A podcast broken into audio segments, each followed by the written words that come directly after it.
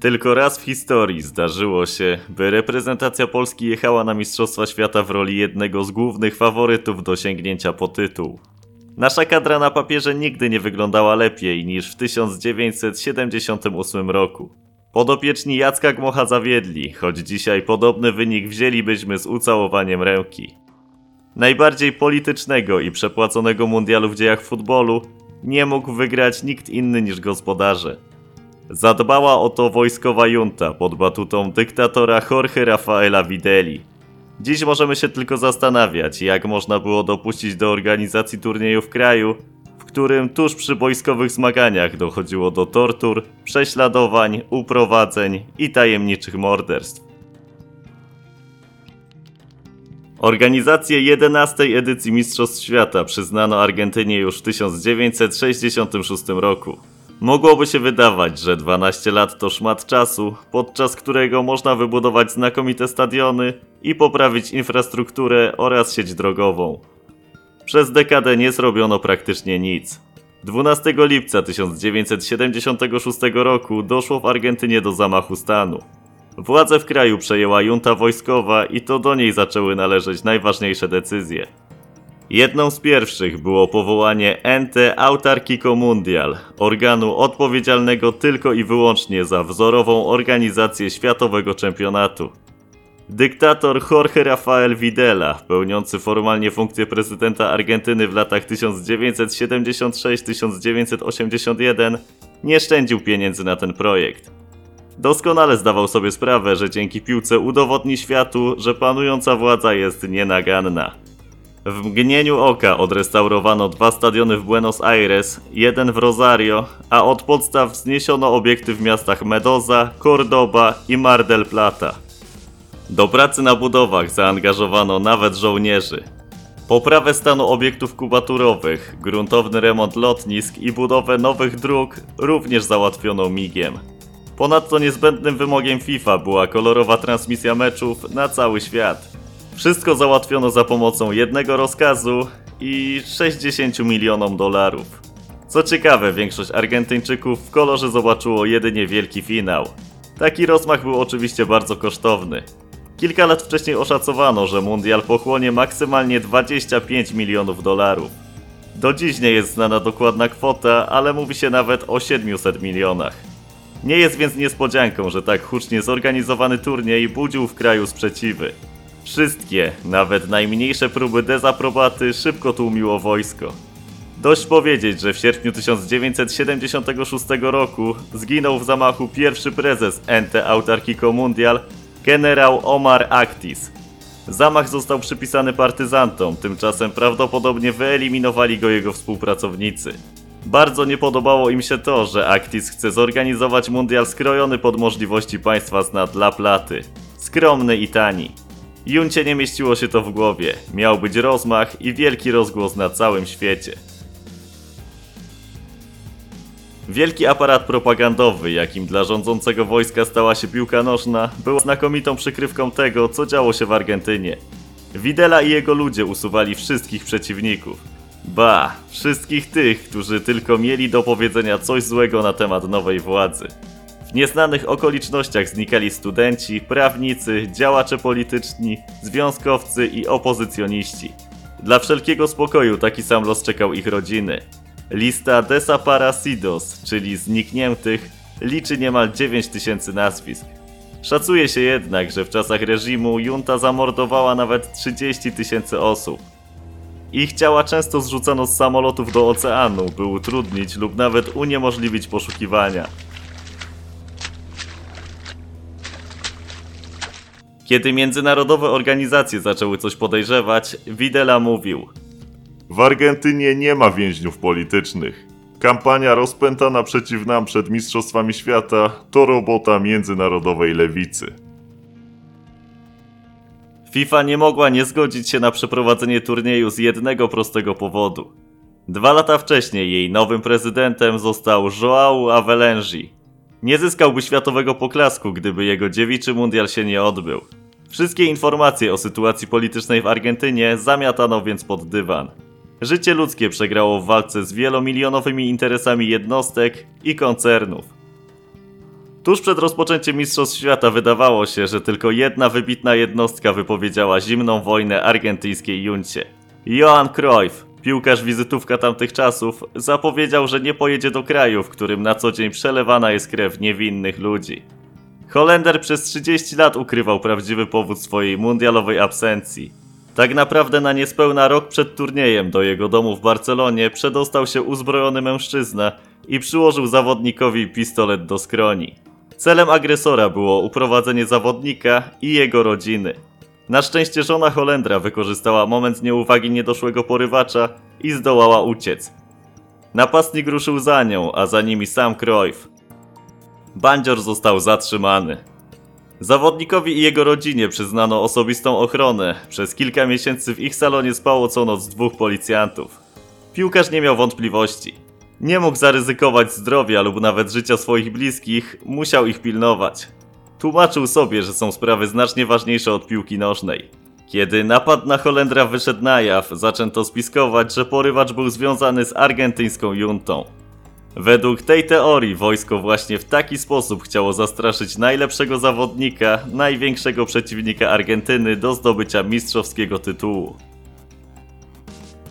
Po raz pierwszy w historii do eliminacji chciało przystąpić ponad 100 drużyn. Ostatecznie brało w nich udział 97 zespołów.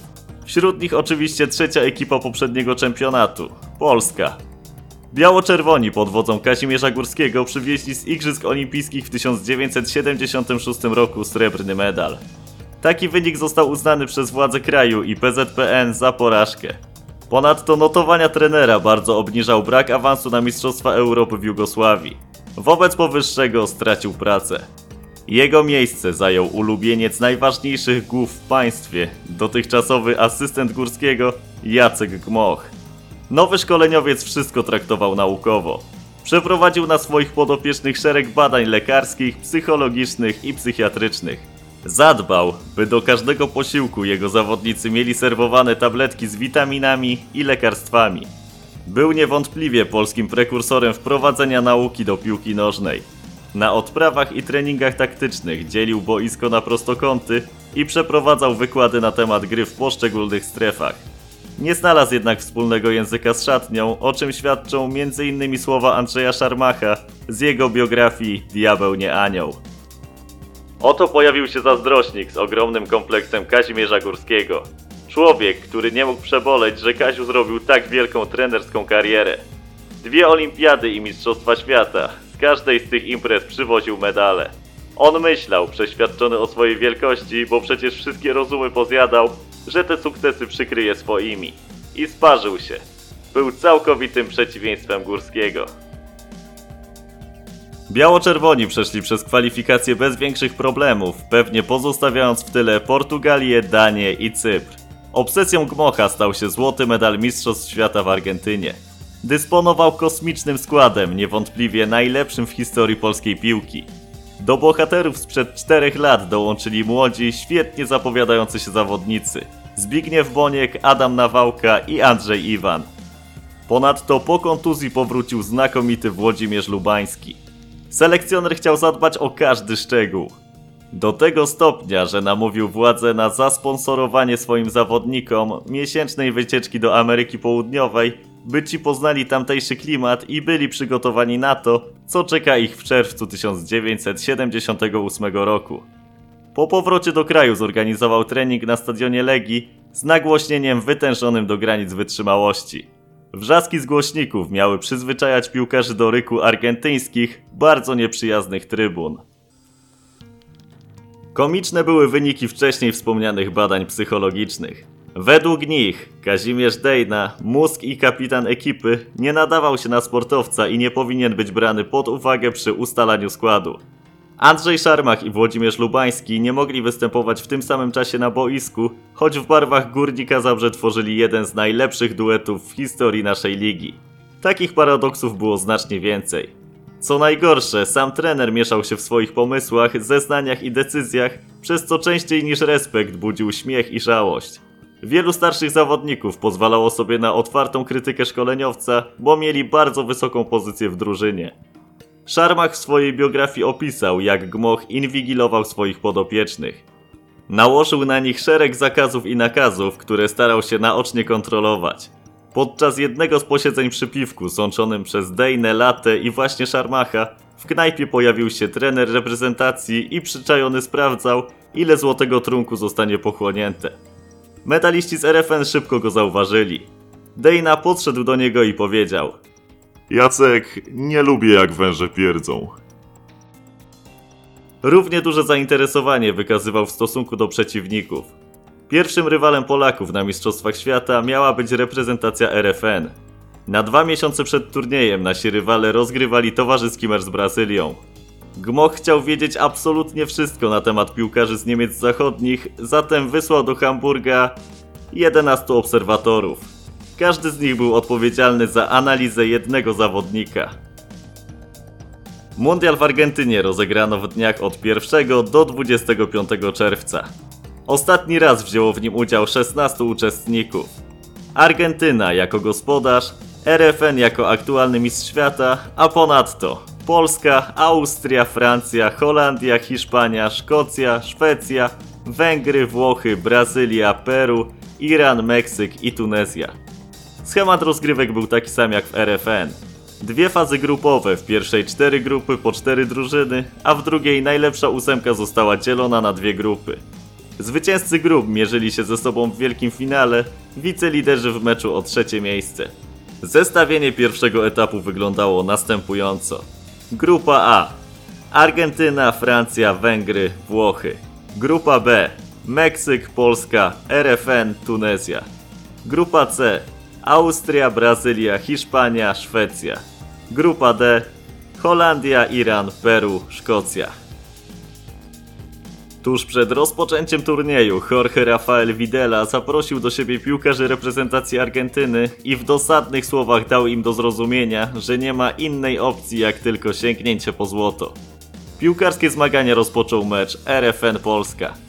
Bezbramkowy, bardzo nudny spektakl został pozytywnie odebrany przez władze naszego kraju. Sam Edward Gierek wysłał do Argentyny telegram z gratulacjami. Nazajutrz na boisko wybiegli przy oklaskach i wielkiej wrzawie tysięcy kibiców na Estadio Monumental zawodnicy Argentyny i Węgier. Przed meczem Widela przemówił do milionów odbiorców przed telewizorami i zaapelował o pokój na świecie. W tym momencie bardzo zawiało hipokryzją.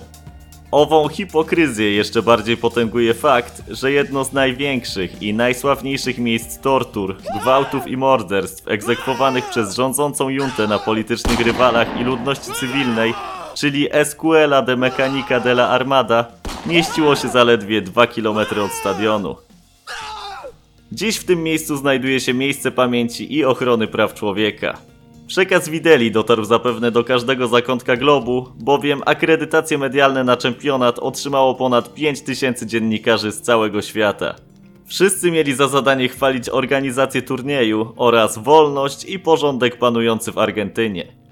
Warto dodać, że jeden z ojców reżimu, admirał Carlos Alberto Lacoste, w ramach wdzięczności za wzorowe przygotowanie mundialu został mianowany na wiceprezydenta FIFA. To również daje wiele do myślenia. Wracając do piłki, Argentyna wygrała z Węgrami 2 do 1. Atmosfera w polskiej ekipie pogarszała się z dnia na dzień. Wiele fermentu siał młody Zbigniew Boniek. Piłkarz Widzewa Łódź już od swojego pierwszego kontaktu z kadrą chciał udowodnić, że jest wielkim zawodnikiem z charakterem, co niespecjalnie podobało się reprezentacyjnym kolegom. Drażniło ich przede wszystkim, że nie respektuje Kazimierza Dejny. Kapitan drużyny nie był duszą towarzystwa, nie chodził od pokoju do pokoju z pytaniem jak czują się jego towarzysze, nie wychodził przed szereg. Miał jednak w sobie taki dar, że jednym słowem potrafił przekabacić rozmówcę na swoją stronę i postawić na swoim. Wiedzieli o tym wszyscy. Wszyscy oprócz Bońka. Inna sprawa, że Dejna był najzwyczajniej w świecie wybitnym zawodnikiem, ciągnącym grę biało-czerwonych. Kiedy na początku mundialu nowi zawodnicy przechodzili chrzest, Boniek płakał z bólu. Tylko pasami na goły tyłek piłkarze mogli spróbować utemperować jego buńczuczne zapędy. Kolejną sprawą były pieniądze. Polacy nie chcieli grać niemal za darmo, co miało miejsce 4 lata wcześniej. Głównym obiektem roszczeń były dolary od sponsora Adidasa. Potężna sieć wypłaciła wielu federacjom ogromne honoraria za noszenie i reprezentowanie ich sprzętu. Nasi zawodnicy byli pewni, że i PZPN dostał sporą sumkę, którą nie chce się podzielić. Oczywiście było w tym sporo prawdy, jednak sprzeczki o pieniądze podczas wielkiego turnieju jeszcze nigdy nikomu nie pomogły. Pomimo zgrzytów, podopieczni Gmocha wywalczyli bardzo pewny awans do drugiej rundy. Po bezbramkowym remisie z RFN pokonali Tunezję 1 do 0 po golu Laty oraz Meksyk 3 do 1 po dublecie Bońka oraz trafieniu Dejny i zajęli pierwsze miejsce w grupie B, wyprzedzając Niemcy Zachodnie o jedno oczko. W międzyczasie selekcjoner bardzo podpadł zawodnikom, wychodząc z propozycją, która nie przystoi osobie walczącej o autorytet. Widząc, jak gęsta atmosfera panuje w zespole, zebrał wokół siebie całą drużynę i z dumą ogłosił. Panowie, pakujemy się w autobus i jedziemy wszyscy rozluźnić się do burdelu. W pozostałych grupach awans wywalczyły reprezentacje Włoch, Argentyny, Austrii, Brazylii, Peru i Holandii. Drużyny zostały podzielone na dwie grupy. Grupa pierwsza Austria, Holandia, RFN, Włochy. Grupa druga Argentyna, Brazylia, Peru, Polska. Leszek Jarosz, autor znakomitego tekstu Mundial Dyktatury w trzeciej części kopalni, trafił w punkt nazywając polską grupę grupą dyktatur. Na czele naszego kraju stał bowiem Edward Gierek, Argentyną dowodził Videla, Brazylią generał Ernesto Geisel, a Peru generał Francisco Morales Bermudez. Pierwszą przeszkodą na drodze Polaków był mecz z gospodarzami. W odpowiednim przygotowaniu na pewno nie pomogły nocne, przedmeczowe rozmowy najbardziej doświadczonych reprezentantów z kierownictwem kadry. Przedmiotem owych dywagacji były rzecz jasna pieniądze. Tymczasem w głowie Gmocha tworzyły się nowe, irracjonalne pomysły. Odesłał na trybuny ostoje naszej defensywy, wielką białą górę Jerzego Gorgonia. W jego miejsce na środek obrony desygnował nominalnego pomocnika, Henryka Kasperczaka. Zdziwienie na twarzach pozostałych reprezentantów nie mogło pozostać niezauważone, zatem trener wytłumaczył swoją zagrywkę. Spójrzcie na nich, oni grają tylko dołem. Są tak niscy, że muszą sobie podnosić spodenki jak najwyżej, by wyglądało, że mają długie nogi. Na nic innowacje i szalone idee. Argentyńczycy wygrali zasłużenie 2 do 0. I rzeczywiście, tak bardzo grali dołem, że strzelec dwóch bramek, Mario Kempes, mikro zmierzący w cudzysłowie zaledwie 184 cm, jednego gola zdobył po uderzeniu głową. Dziś możemy jedynie dywagować, co by było, gdyby pilnował go Gorgoń. Przy wyniku 1 do 0 Polacy stanęli przed wielką szansą na odrobienie strat, gdy sędzia odgwizdał rzut karny za wybicie ręką przez Kempesa piłki zmierzającej do bramki. Do futbolówki, jak zwykle, podszedł Dejna. W momencie zjawił się obok niego Boniek i powiedział Kaziu, jak się boisz, to ja strzelę. Ubaldo Fiol zastopował strzał naszego kapitana. Kolejny mecz z Peru był starciem z serii być albo nie być.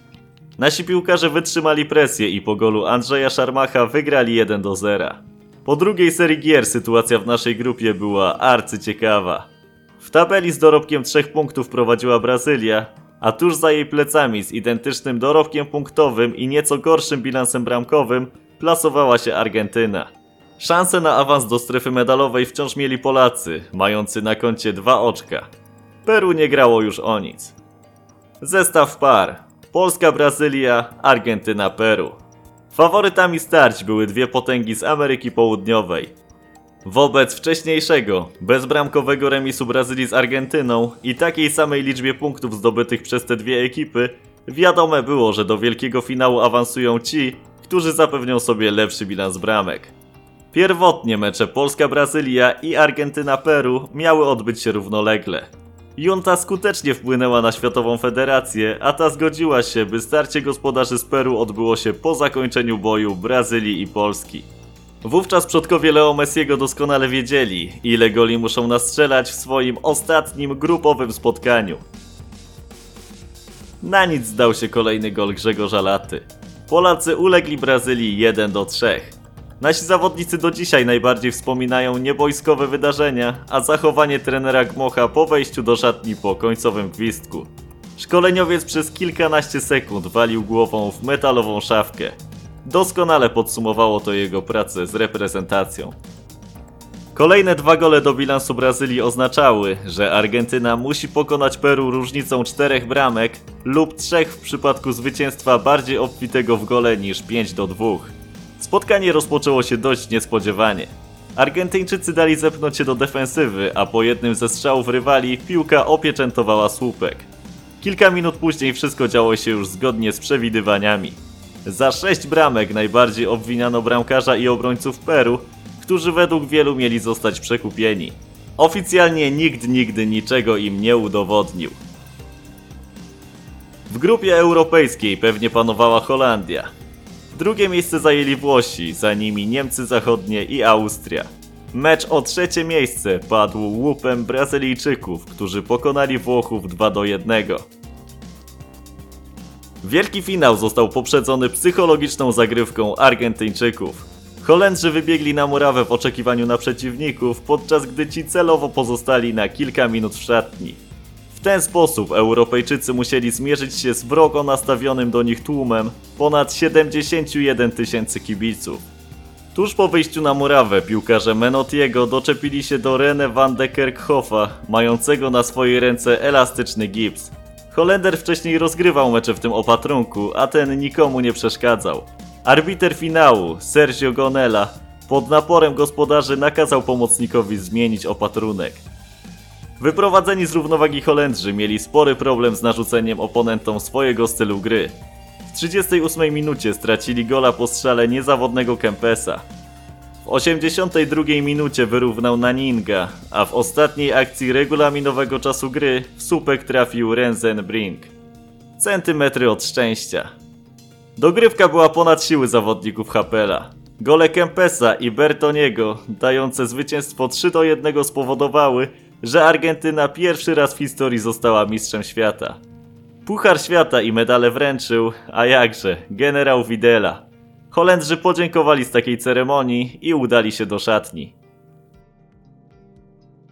Przed, w trakcie i po mundialu w sąsiedztwie obiektów piłkarskich zmagań cierpiały i umierały tysiące niewinnych ludzi. Można główkować, czy świat tego nie widział, nie chciał widzieć, czy widział, ale nie reagował. Nie ma żadnych wątpliwości, że cały turniej był jedną wielką propagandą polityczną. Junta wojskowa kontrolowała wszystkie środki masowego przekazu i puszczała w eter tylko chwalebne informacje. Znakomite osiągnięcie Argentyny bardzo jej w tym pomogło. Ricardo Villa, argentyński pomocnik, powiedział po latach: Zostałem wykorzystany politycznie, ale nie byłem częścią tej polityki. Po Mistrzostwach Świata w 1978 roku wszystko wskazywało na to, że polską reprezentację czeka zmiana pokoleniowa, a w związku z nią wkroczymy w ciemny okres naszego futbolu. Pomimo zajęcia bardzo dobrego piątego miejsca, kibice byli rozczarowani. Rozczarowani byli też sami zawodnicy. Andrzej Szarmach wspominał. Cztery lata wcześniej ludzie witali nas kwiatami, a my byliśmy jednością. Z Argentyny wróciła drużyna rozbita i skłócona, sponiewierana i pokonana. W powietrzu unosił się zapach pieniędzy, które dla wielu z nas stały się ważniejsze od reprezentacji.